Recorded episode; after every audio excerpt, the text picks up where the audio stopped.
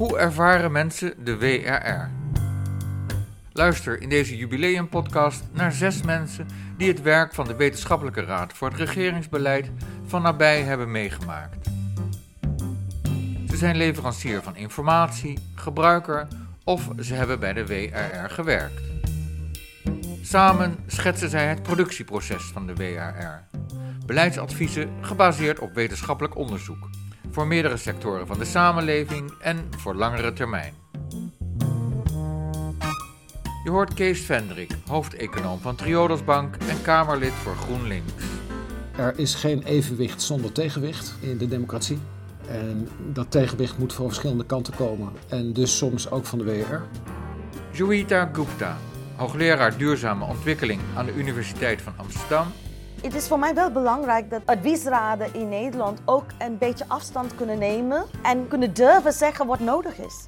Wendy Asbeek-Brussen, topambtenaar en voormalig secretaris-directeur van de WRR. Eh, ja, het is een beetje als een bom ingeslagen ook wel in het wereldje van uh, de ontwikkelingssamenwerking en ook wel de wereld van buitenlandse zaken. Pieter Winsemius, voormalig minister en voorheen raadslid van de WRR. Bij die interviews stelden we maar één vraag. Welke drie dingen word jij s'nachts wakker van? Drie dingen, niet meer, anders kunnen we het niet onthouden. José van Dijk, hoogleraar media en digitale samenleving. En als er iets is wat de WRR kenmerkt, is het wel die interdisciplinaire blik. En tenslotte Tom de Graaf, vicepresident van de Raad van State. En zeker dat laatste advies heeft ook grote impact op het werk van eh, de afdeling advisering van de Raad van State.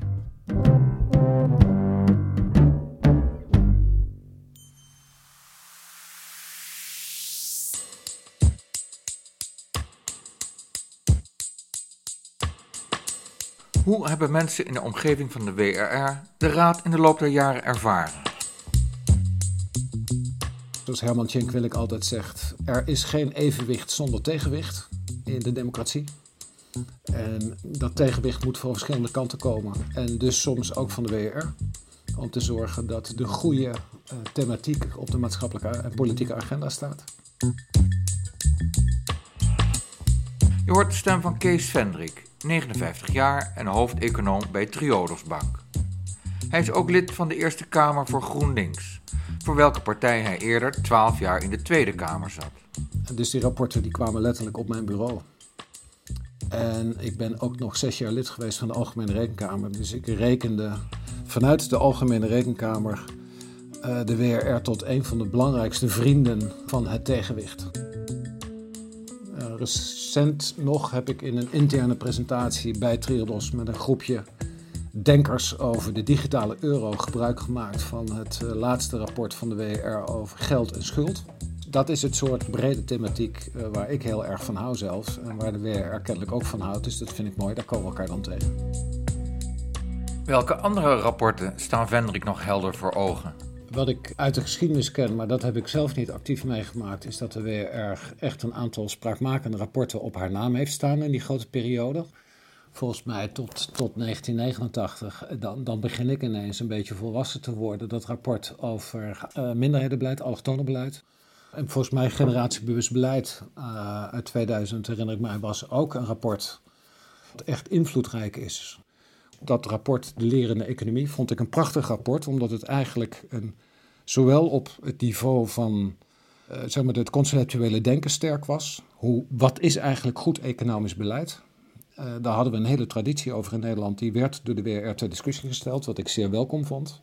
Ook proberen dat te vertalen in beleidsagenda's, het tastbaar te maken. Ja, dat, is, dat zijn mooie rapporten, die zijn uit, erg waardevol en die tikken ook nog jaren door. Uh, en daarmee heeft de WRR toch een grote invloed op het maatschappelijk debat. Gelukkig kan Kees Vendrik ook een kanttekening plaatsen. Dat rapport van innovatiebeleid, ik vond dat daar ontbrak veel meer die maatschappelijke opgave. Uh, maar dat er wel uh, nadrukkelijk een breuk werd gemaakt met het oude innovatiebeleid Backing the Winners. Toch een beetje het topsectorenbeleid voor de insiders. En dat is iets anders dan gezond economisch beleid ten gunste van innovatie. Vendrik refereert aan het rapport Innovatie Vernieuwd uit 2008. Daarin pleit de WRR voor het creëren van nieuwe ideeën en het commercialiseren daarvan. Innovatie als verdienmodel op zich, met volle aandacht voor het meso- en microniveau. En dat WR-rapport over geld en schuld. Ik denk dat dat eh, in die zin ook wel weer een rapport was wat veel meer ook nog een maatschappelijke vraag beantwoordde. En dat is natuurlijk toch een net weer iets anders chapiter dan wat de WR vaak doet. Vooruitlopen in het debat of proberen daar een synthese te maken met goede wetenschappelijke fundering. En dat is een interessante vernieuwing, vond ik dat. Je engageert je met een groot maatschappelijk debat. Onrust, burgers die denken: wat is er met mijn portemonnee aan de hand? Waarom is het met die bankencrisis zo misgegaan? Wat zegt dat over de manier waarop we met geld omgaan? Dat vond ik een mooie, je zou kunnen zeggen, vernieuwing, omdat je als WR je dan niet zozeer alleen maar bezighoudt met het bieden van tegenwicht uh, binnen de democratische rechtsstaat, maar dat je je ook nog eens een keer laat lenen in de goede zin van het woord voor het vervullen van je rol in het maatschappelijk debat.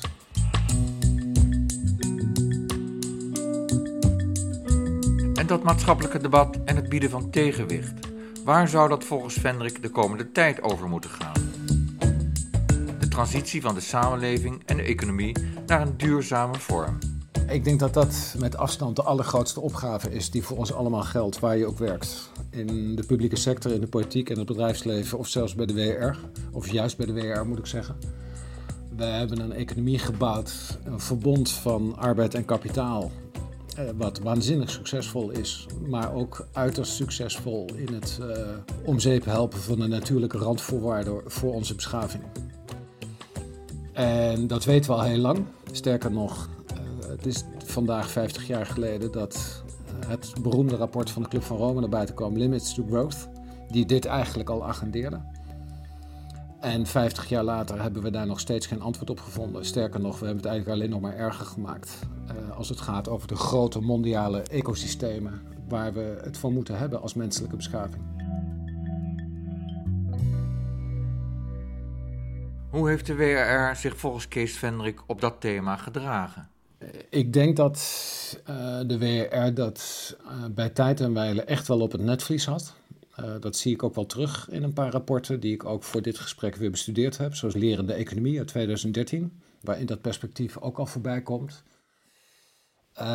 maar de indringendheid waarmee dit, deze kwestie eigenlijk bovenop de, aan de politieke agenda moet worden gezet, daar had de WR wellicht in het verleden meer op kunnen doen.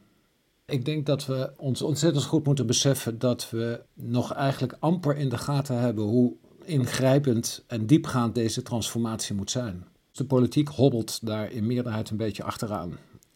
Om goed te snappen wat hier de diepgang van de transitie is, hoe ver die gaat. Ik denk dat je daar intellectueel kapitaal voor nodig hebt, daar heb je leiderschap voor nodig, verbeeldingskracht.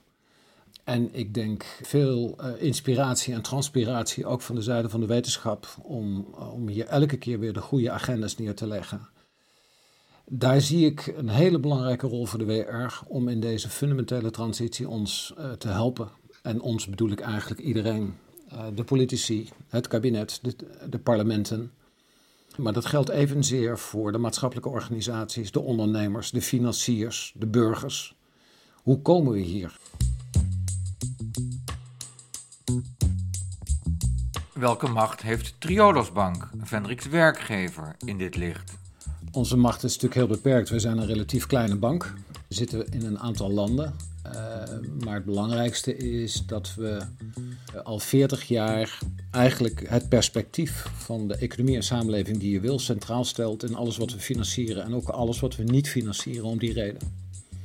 Uh, we maken zeer besliste keuzes over wat we financieren. Ons leidmotief is om het in het Engels te zeggen: all finance is impact finance. Hoe leeft deze gedachte in de financiële wereld, met name in relatie tot jongeren? Ik merk het wel in mijn conversaties met andere banken bijvoorbeeld dat inderdaad er nog wel eens uh, leuke verhalen voorbij komen. Dat hoge bazen in het grote bankwezen thuis zich even moeten verantwoorden wat pa eigenlijk aan het doen is. Want het is dan nog steeds meestal pa natuurlijk. Wat pa aan het doen is met klimaat. Kan je dat even uitleggen, vader? Uh, die gesprekken vinden plaats. En dat snap ik ook heel erg goed, want toekomstperspectief voor jongeren is uh, bepaald zorgwekkend. Laten we maar eerlijk zijn. En dat is ook een combinatie die je nodig hebt, want volgens mij is het ook waar dat de leidinggevende generatie, dat zijn wij, zal ik maar zeggen. Uh, wij zijn de laatste generatie die er iets aan kan doen. Als we het alleen maar aan de jongeren overlaten, zijn we te laat.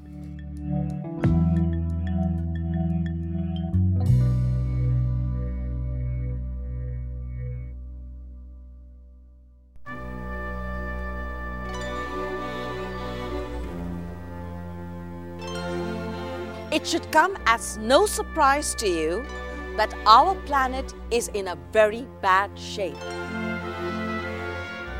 And I'm going to tell you how that is also affecting our health.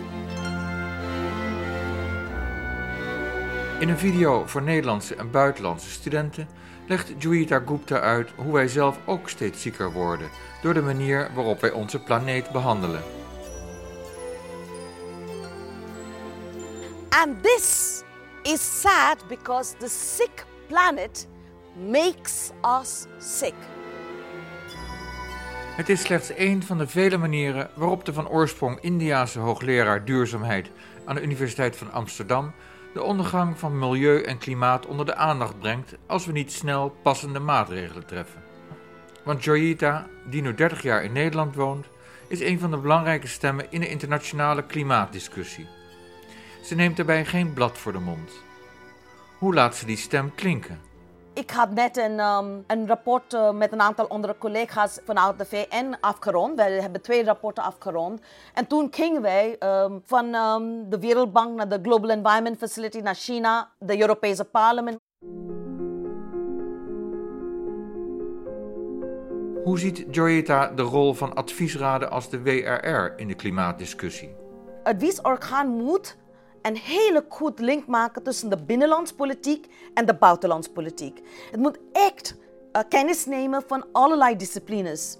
Het moet ook goed nadenken over wat is echt nodig om het probleem op te lossen. En niet alleen denken van zou de komende regering dit aanvaardbaar vinden. Het is voor mij wel belangrijk dat adviesraden in Nederland ook een beetje afstand kunnen nemen en kunnen durven zeggen wat nodig is. Hoe bekijkt Joita de activiteiten van de WRR op het gebied van milieu en klimaat tot nu toe? Nou, ik vind dat over uh, 30 jaar uh, hebben wij nou twee rapporten gekregen van de WRR. Dat zijn het rapport Duurzame risico's uit 1994 en Klimaatstrategie tussen ambitie en realisme uit 2006. En die eerste was heel interessant in de zin dat het heeft aanbevolen dat uh, Nederland moet uh, veel meer investeren in milieudiplomatie. Andere landen overtuigen dat ze moeten ook iets doen op klimaatverandering. En dat is sterk. En een andere sterk punt dat ik vond in allebei rapporten is natuurlijk de nadruk op technologieontwikkeling in Nederland. Die twee punten vond ik heel sterk. Maar ik heb ook een aantal minpunten. En wat ik vond een beetje jammer was dat ik zag geen duidelijk visie over hoe Nederland zijn afhankelijkheid van fossiele brandstoffen zou kunnen verminderen over de 30 jaar of over de 50 jaar. En dat vond ik echt een gemiste kans. Ik vond het eigenlijk ook heel bizar dat de twee oude rapporten ging niet over de rechtvaardigheidsbeginsel binnen Nederland omdat dat, dat, dat wordt een enorme probleem. Hè? Wie gaat betalen voor wat? Uh, wie gaat uitstoot verminderen? Uh, is het zinvol om uh, auto's, elektrische auto's te doen? Of moeten we juist meer investeren in openbaar vervoer? Al dat soort van vraagstukken, die kwamen niet zo goed uit de verf in de eerste en de tweede rapport. Terwijl je zou denken dat dat had gekund. We hadden ook kunnen denken aan bijvoorbeeld, um, moet onze pensioenfondsen, moet onze banken, moeten ze allemaal investeren in uh, aandelen in de fossiele brandstofsector? Een veelbetekenende notie uit het rapport van 1994 is in dat opzicht: milieuproblemen moeten een urgentie bereiken voordat in de samenleving voldoende creatieve energie is te mobiliseren die tot een oplossing van het probleem kan leiden. Wat kan de WRR nu doen? Ik denk de vraag is, wat wil de WRR bereiken met een klimaatadvies? Willen wij bereiken dat het probleem opgelost wordt mondiaal? Of willen we alleen kijken van, um, gezien de mondiale politiek, hoe moet Nederland laveren? So dat is de, de vraagstelling dat je hebt. Als je wil uh, dat het klimaatprobleem opgelost wordt, ook vanwege de risico's dat onze kinderen en kleinkinderen zullen meemaken, dan vanuit die perspectief moet je wel kijken naar wat gaat gebeuren als uh, andere landen niet stoppen met het fossiele brandstoffen. Maar fossiele brandstoffen zijn niet het enige struikelblok. In Nederland, vanuit een individueel perspectief, zou het kunnen betekenen dat je minder vaak vlees eet of dat je meer vaak met de openbaar vervoer gaat of met de fiets.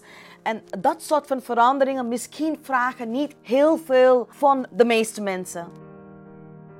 Maar het probleem natuurlijk is dat als je echt serieus hierop gaat, dat zou kunnen betekenen dat onze landbouwsector heel anders moet functioneren. Het zou kunnen betekenen dat onze investeringssector heel anders moet beleid uitvoeren. Dat pleit voor een multisectorale aanpak en anders denken over de noodzaak van een immer stijgend bruto nationaal product. Meer in termen van brede maatschappelijke welvaart, of zoals Juita het noemt, inclusieve rijkdom, inclusive wealth in de jaren 90 was het redelijk consistent in Nederland hoe wij gingen denken over klimaat en milieu. We waren in feite, naar mijn mening, waren wij echt leiders in milieudenken in Nederland in de jaren 80 en 90. Maar sinds 2000 zie je een verschuiving. Je ziet ook het begin van de klimaatskeptici. En die gaan dan allerlei vragen stellen over de noodzaak voor klimaatactie. En dan krijg je een enorme situatie in de maatschappij dat men geloven niet meer of het klimaatprobleem serieus is of het milieuprobleem serieus is. En dat is een enorm probleem. En in zo'n situatie moet de WRR echt kunnen bovenkomen met wij hebben er genoeg wetenschappelijk inzichten om te zeggen dat klimaat is ernstig, dat wij moeten zo snel mogelijk van fossiele brandstoffen af. Dit betekent dat je moet niet alleen investeren in technologie, maar je moet echt beginnen met het verminderen dus je moet echt proberen all hands on deck. Omdat anders krijg je dat verhaal niet af. So we also have to push for bigger things. We have to push for and demand a change in the economic system. Because in the end, we need a healthy planet for all to live a healthy life. In het huidige project over klimaatbeleid ontwikkelt de WRR principes die moeten leiden tot een eerlijke verdeling van de lusten en vooral de lasten van klimaatverandering en van het beleid dat die verandering moet afremmen. Het project richt zich op de lange termijn tot na 2050. Hier is al een zogeheten working paper van verschenen.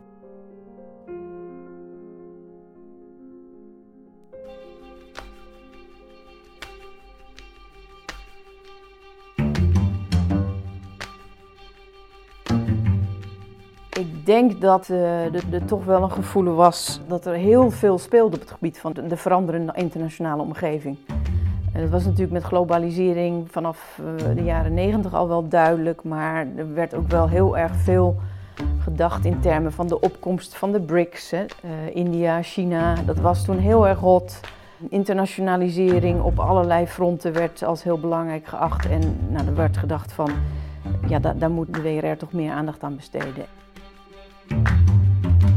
Dat was in 2009, toen Wendy Asbeek-Brussen aan boord kwam bij de WRR als secretaris-directeur. Rond de millenniumwisseling was zij al negen jaar staflid geweest bij de raad. Waarom werd ze voor die functie gevraagd?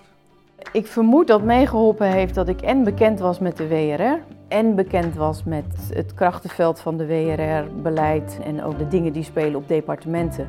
Dus ik had en wat, uh, aardig wat ervaring in het academische, maar ook wel ervaring in de buitenwereld van departementen, daar een makelaarsrol in spelen. En wat het academische aspect betreft? Ik kwam vandaan bij de opleiding Beleid en Bestuur in internationale organisaties. Daar had ik in de jaren negentig vakken gegeven op het gebied van internationale betrekkingen, internationale politieke economie, Europese integratieachtige vraagstukken, buitenlandbeleid. Wendy is aangetrokken om de WRR zowel als instituut als inhoudelijk verder over de grenzen te laten kijken. In de titels van beleidsadviezen uit die tijd nemen dan ook woorden als internationaal, Europa en hoofdstukken over de omgeving van Nederland hand over hand toe.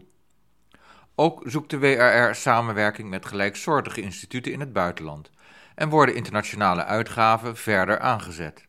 En ook al vrij vroeg heeft de WRR, uh, is er toch wel ingeslaagd om ook gewoon vanuit de, de belangstelling voor de thematiek en de originele dingen die er vaak op tafel werden gelegd, om ook internationaal wel vraag te krijgen naar WRR-rapporten.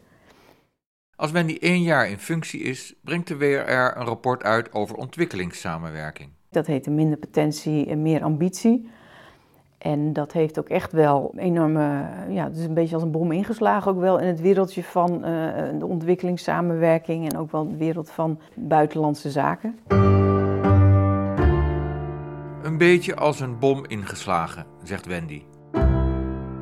De directeur sociale ontwikkeling, die een groot voorstander was van de Nederlandse uh, hulp besteden in ontwikkelingslanden op het gebied van onderwijs, die, ja, die nou ja, die trok me nog net niet woedend over de tafel, maar die vond wel dat ik een van de aanstichters was van het feit dat uh, onderwijs als speerpunt in het ontwikkelingsbeleid van uh, buitenlandse zaken was gesneuveld. En dat was vijf jaar na het uitkomen van het rapport, toen Wendy Asbeek in een nieuwe functie op buitenlandse zaken werd vereenzelvigd met de boodschap van minder potentie, meer ambitie. Een van de boodschappen was dat ontwikkelingssamenwerking te lang een, een uh, toch een bezigheid is geweest van lobbygroepen en andere insiders die heel erg de nadruk zetten op armoedebestrijding en noodhulp en uh, het, uh, het bedienen van de usual suspects in de ontwikkelingssamenwerking. En dat je als je echt een fundamenteel verschil wilde maken in, in, in de toekomst van allerlei bevolkingsgroepen, dan moet je veel meer inzetten op economische groei. En dan moet je ook zorgen dat die uh, ontwikkelingssamenwerking, um, dat die professionals heeft die ook langdurig in staat zijn om te proberen een verschil te maken. En dan nog is het heel erg lastig. Hè? Minder potentie, meer ambitie. Uh, maar dan moet je meer inzetten op economische groei en op groeipaden, lange termijn adem en ook op, de, op het proberen uh, de middenklasse in allerlei uh, ontwikkelingslanden vooruit te helpen. En Nederland had een enorme reputatie op het gebied van, laten we zeggen, de onderklasse. Maar dat is niet per definitie de manier om uiteindelijk landen in de vaart de volkeren mee te krijgen. Dat betekende specialisatie van mensen en instituties en concentratie op nog maar tien landen. De schok die dit advies heeft veroorzaakt, heeft lang nagetrild. Had de WRR niet voorzichtiger kunnen zijn?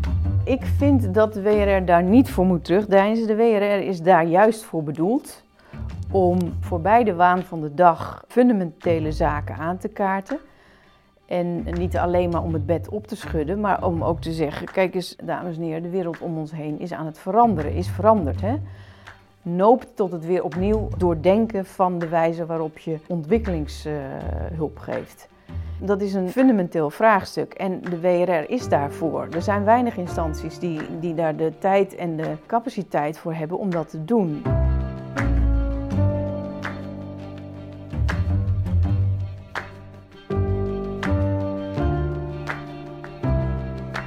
Wat betekent de WRR vandaag?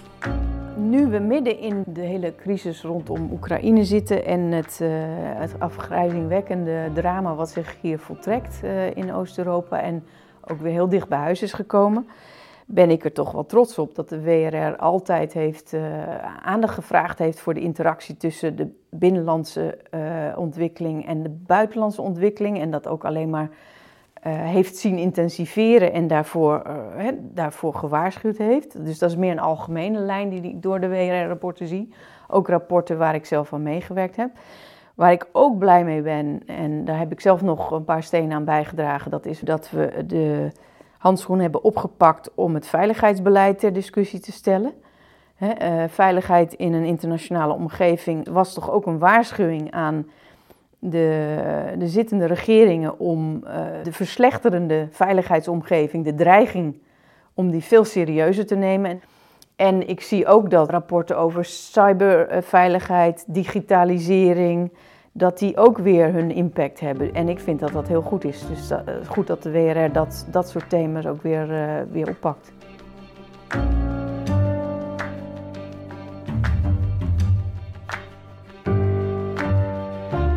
Heeft de WRR een actuele taak in de Oekraïne-crisis? Ongetwijfeld. Want ik denk dat uh, de mensen op de departementen die nu uh, in, allemaal in de crisisstand staan. Hè? En bij Buitenlandse Zaken ik weet ik als geen ander, omdat ik het van binnenuit heb kunnen zien hoe dat dan gaat. Dan, dan is er ook weer behoefte om op een gegeven moment strategischer te gaan denken. Hè, wat betekent het als je, wat wij dan in dat rapport hebben genoemd, je flow security, je, je, je energieonafhankelijkheid verder wilt gaan ontwikkelen. Flow security is de ononderbroken stroom in twee richtingen van goederen, diensten, data, energie en ideeën om een land draaiende te houden. Wat is daar dan voor nodig? En dan kun je als WRR daar ook weer een belangrijke positie in verwerven door dat systematischer voor de komende 10, 20 jaar te gaan doordenken. Wat als we Nord Stream 2 nou eens een keertje uh, gedag moeten zeggen? Wat als de Russen uh, uh, hun spierballen gaan laten rollen? Maar dat echt fundamenteel doordenken en daar verstandige dingen over zeggen en ook het debat daarover uitlokken, want dat vind ik ook heel belangrijk. Ja, dat is denk ik is, is voor de WRF van belang.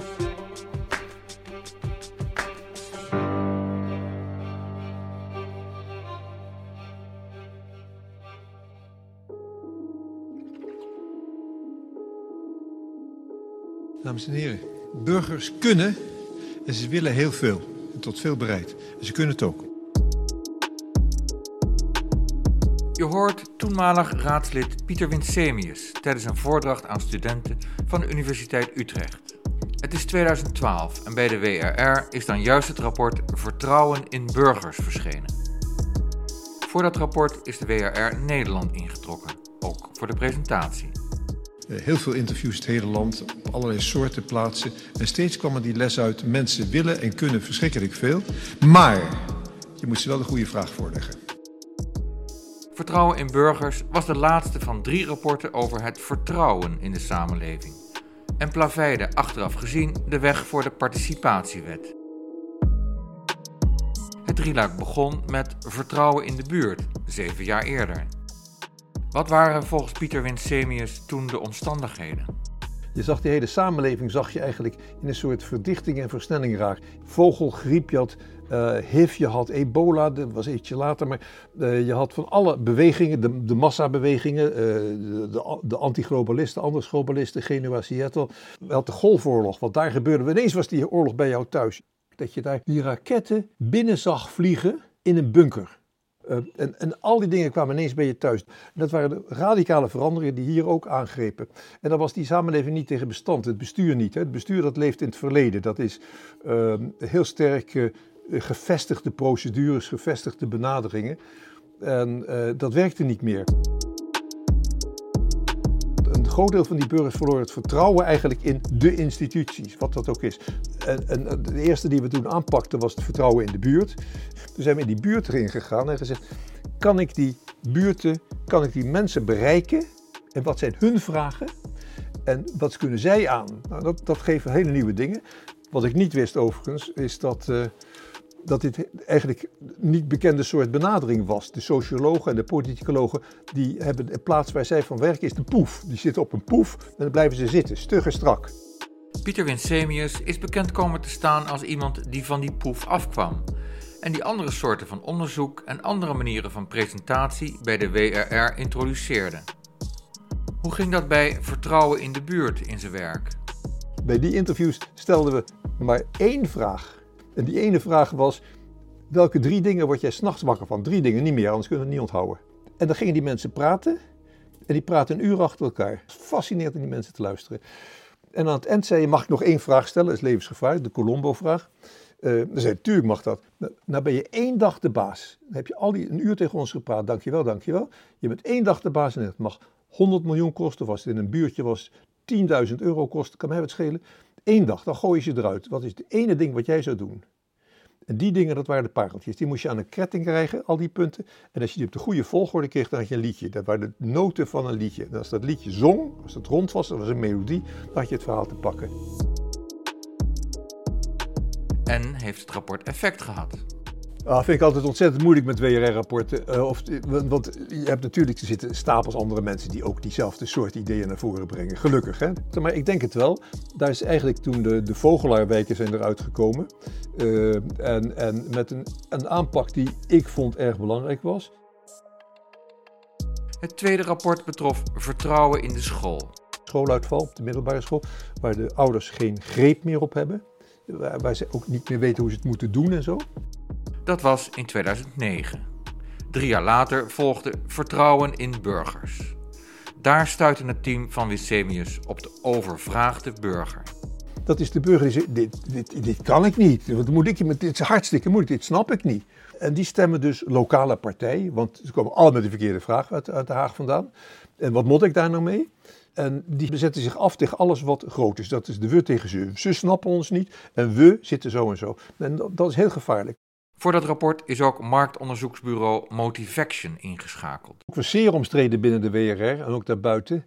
Het bureau stelde vragen die andere instituten niet stelden. En kreeg dus ook antwoorden die anderen ontgingen. Ik heb toen met Kees Schuiter over gehad. Mederaadslid en socioloog. En Kees die zei ook, ja, waarschijnlijk stellen ze al jarenlang dezelfde vraag. En dat geeft een geweldig voordeel bij die sociologen, dan ben je longitudinaal.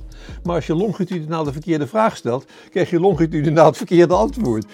Longitudinaal betekent zoveel als het herkennen van een trend dat alleen kan als je met dezelfde regelmaat dezelfde vraag stelt.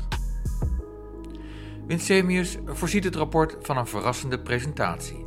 Dus wij hebben dus dat rapport aangeboden uh, aan Mark Rutte op de middenstip van het ADO-stadion.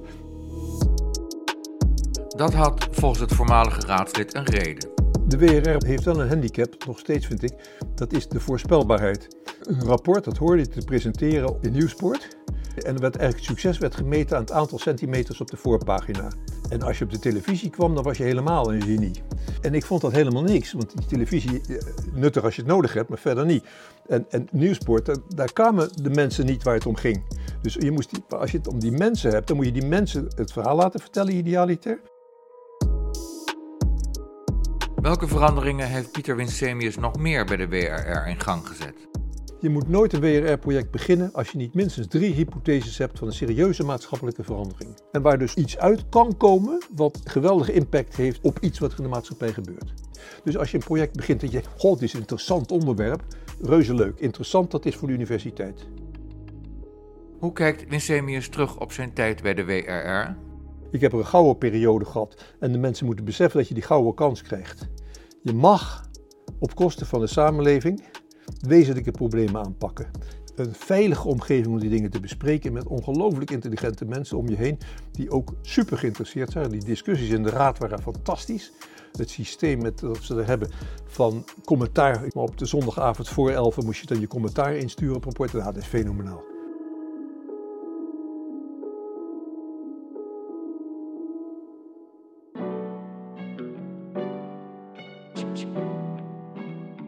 Sociale media zijn natuurlijk enorm gegroeid vanaf ongeveer 2007, in Nederland met name vanaf 2010. En wat ze vooral hebben veranderd is eigenlijk de dynamiek van het publieke debat. Want door sociale media kunnen heel veel mensen eigenlijk gebruik maken van uh, nou, communicatiekanalen, kunnen ze zich altijd uiten en zijn heel veel mensen eigenlijk in staat om een stem aan het publiek debat toe te voegen.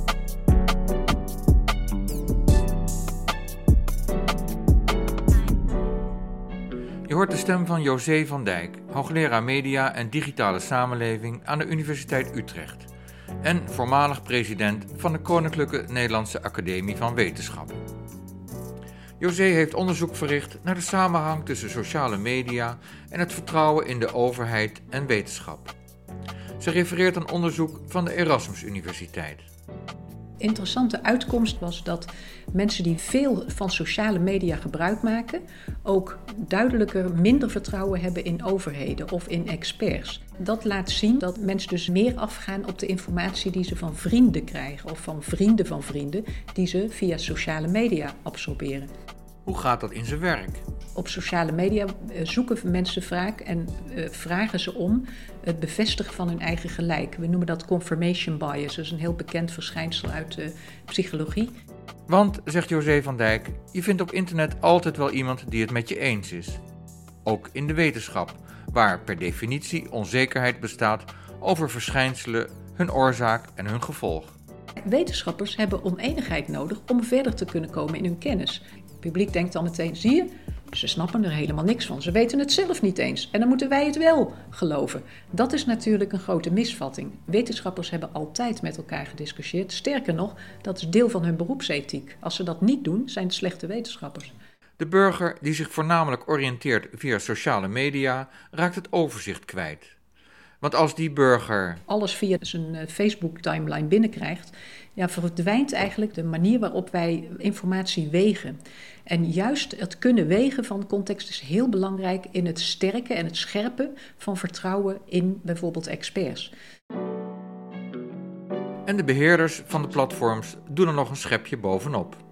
Sociale mediabedrijven als Facebook, eh, Twitter, uh, YouTube worden technologisch aangedreven of eigenlijk algoritmisch aangedreven. In YouTube zit een mechanisme ingebouwd wat uh, zorgt dat je voortdurend opnieuw ziet wat je eigenlijk leuk vindt of wat je, wat je al gezien hebt. Met andere woorden, meer mensen kunnen op internet hun stem laten horen, maar het is niet duidelijk welke waarde we aan die stemmen moeten hechten. Mensen zijn op zoek naar hun eigen gelijk. Meningen en halve waarheden lopen door elkaar en door de techbedrijven draaien we rond in onze eigen cirkel ligt hier een taak voor de overheid. Ja, er ligt wel degelijk een, nieuwe taak voor de overheid. Wat betreft communicatie via platformen heeft de overheid zich daar heel lang van afzijdig gehouden. Tot ongeveer 2016, toen heel duidelijk ging worden dat bijvoorbeeld op Facebook en vooral op YouTube ook Twitter, dat daar de debat eigenlijk steeds giftiger werd. Hoe ziet José die taak weerspiegeld in rapporten van de WRR? De WRR heeft een paar rapporten uitgebracht over digitale technologie in het algemeen. In het eerste rapport uit 2012, e-overheid, gingen we steeds uit van uh, informatietechnologie als een faciliterende soort van uh, technologie. In 2021 is het rapport Opgave AI verschenen, AI, artificiële intelligentie. En daar zag je een hele duidelijk andere opvatting al over technologie. Dat is niet gek, want hè, de informatietechnologie is ook duidelijk op die manier geëvolueerd. AI, artificiële intelligentie, is echt een systeem. We denken dan aan een systeemtechnologie die uh, niet alleen faciliteert, maar ook heel sturend is. Hè. Eigenlijk duwt die technologie organisaties, systemen in een bepaalde richting. Nou, we hebben eigenlijk net een aantal hè, schandalen gezien in Nederland waarin algoritmische sturing wel degelijk een rol speelde. We hebben het gezien in de Belastingdienst. Bepaalde belastingbetalers werden aangemerkt als fraudeurs op basis van een algoritme. Dat daar bepaalde ongelijkheden in zitten of discriminatoren effecten. Dat is iets wat je van tevoren moet beseffen.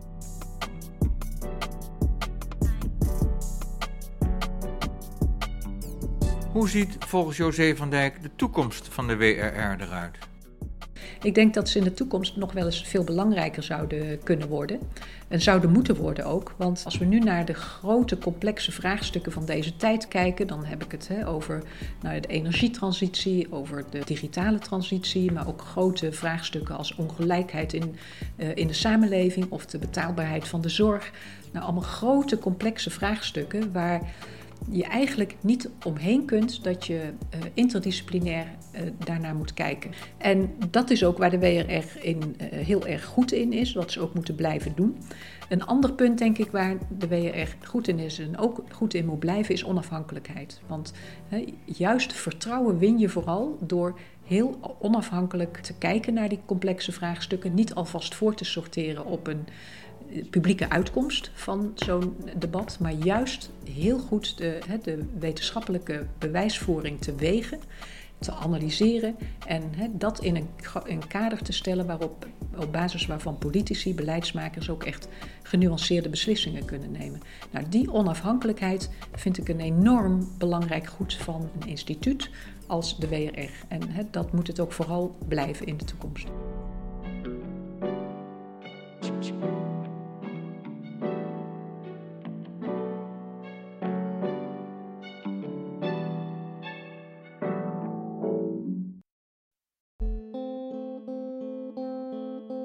Mijn naam is Tom de Graaf. Ik ben sinds 2018 vicepresident van de Raad van State.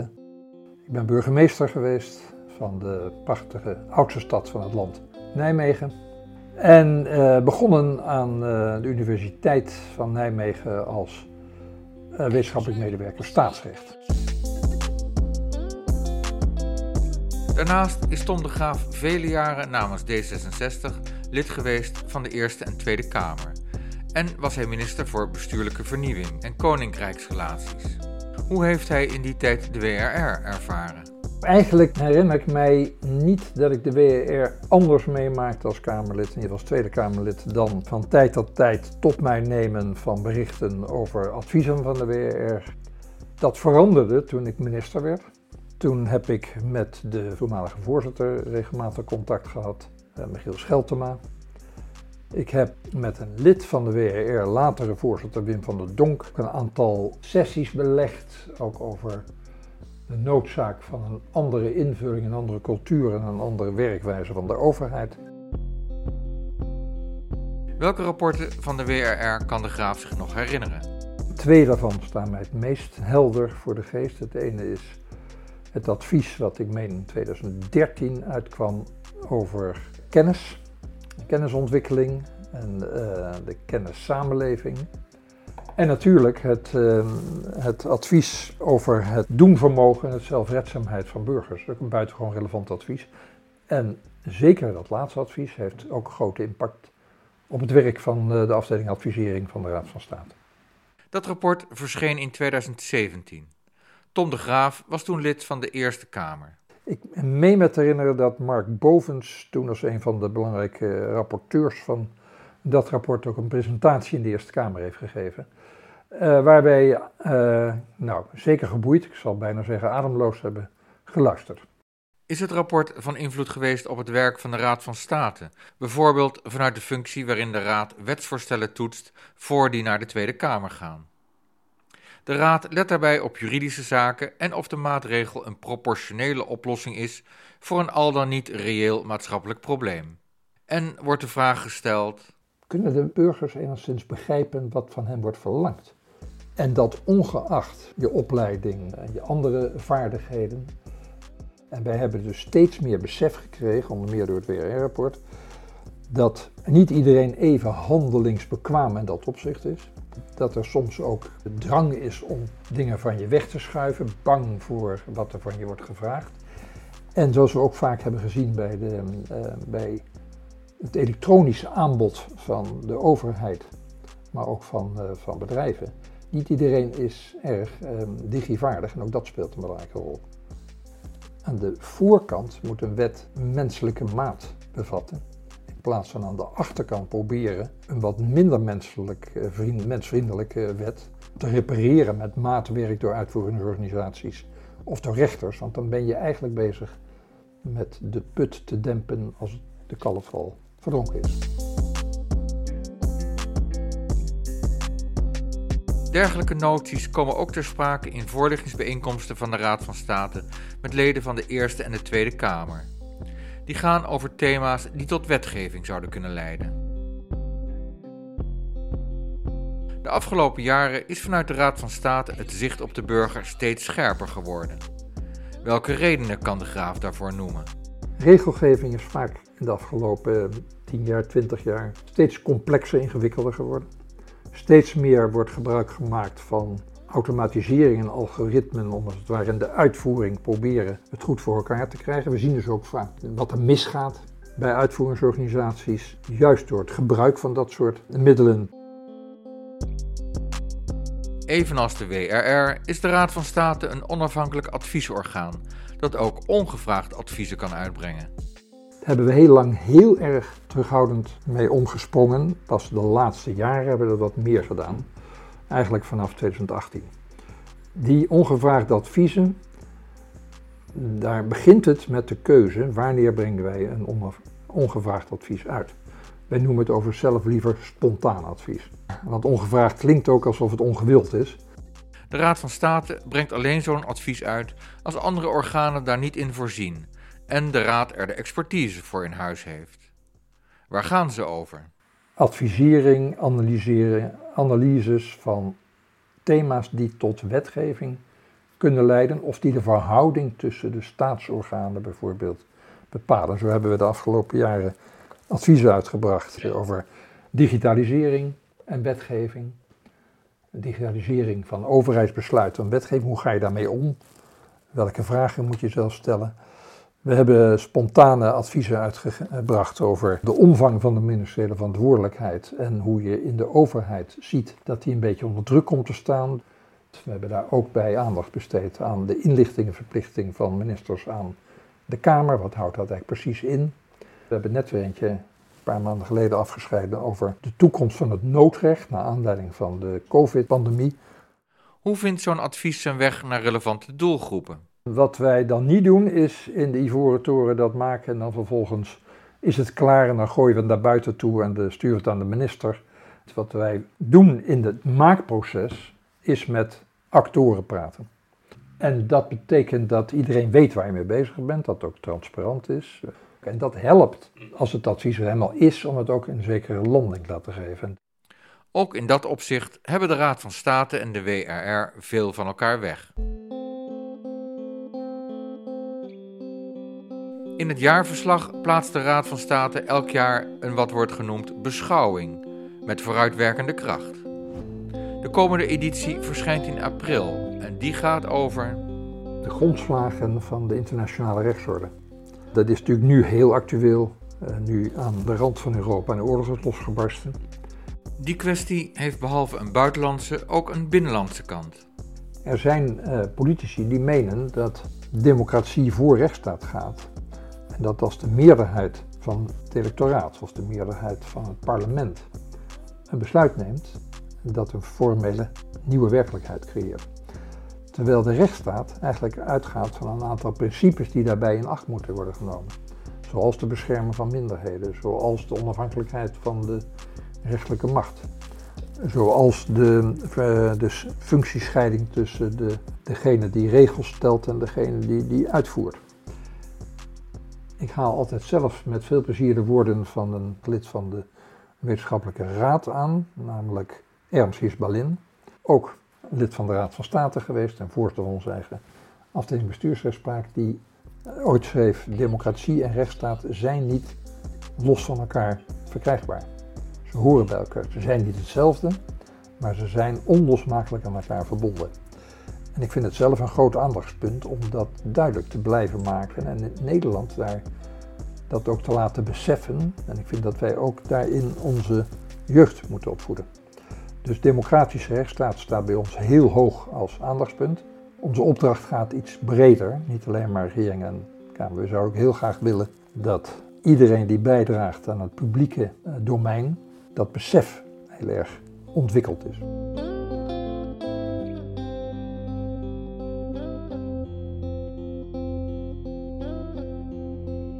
Dank voor het luisteren naar deze Lustrum podcast van de WRR. Abonneer je op WRR Vogelvlucht voor meer podcasts over rapporten, raadsleden en de andere Lustrum podcasts.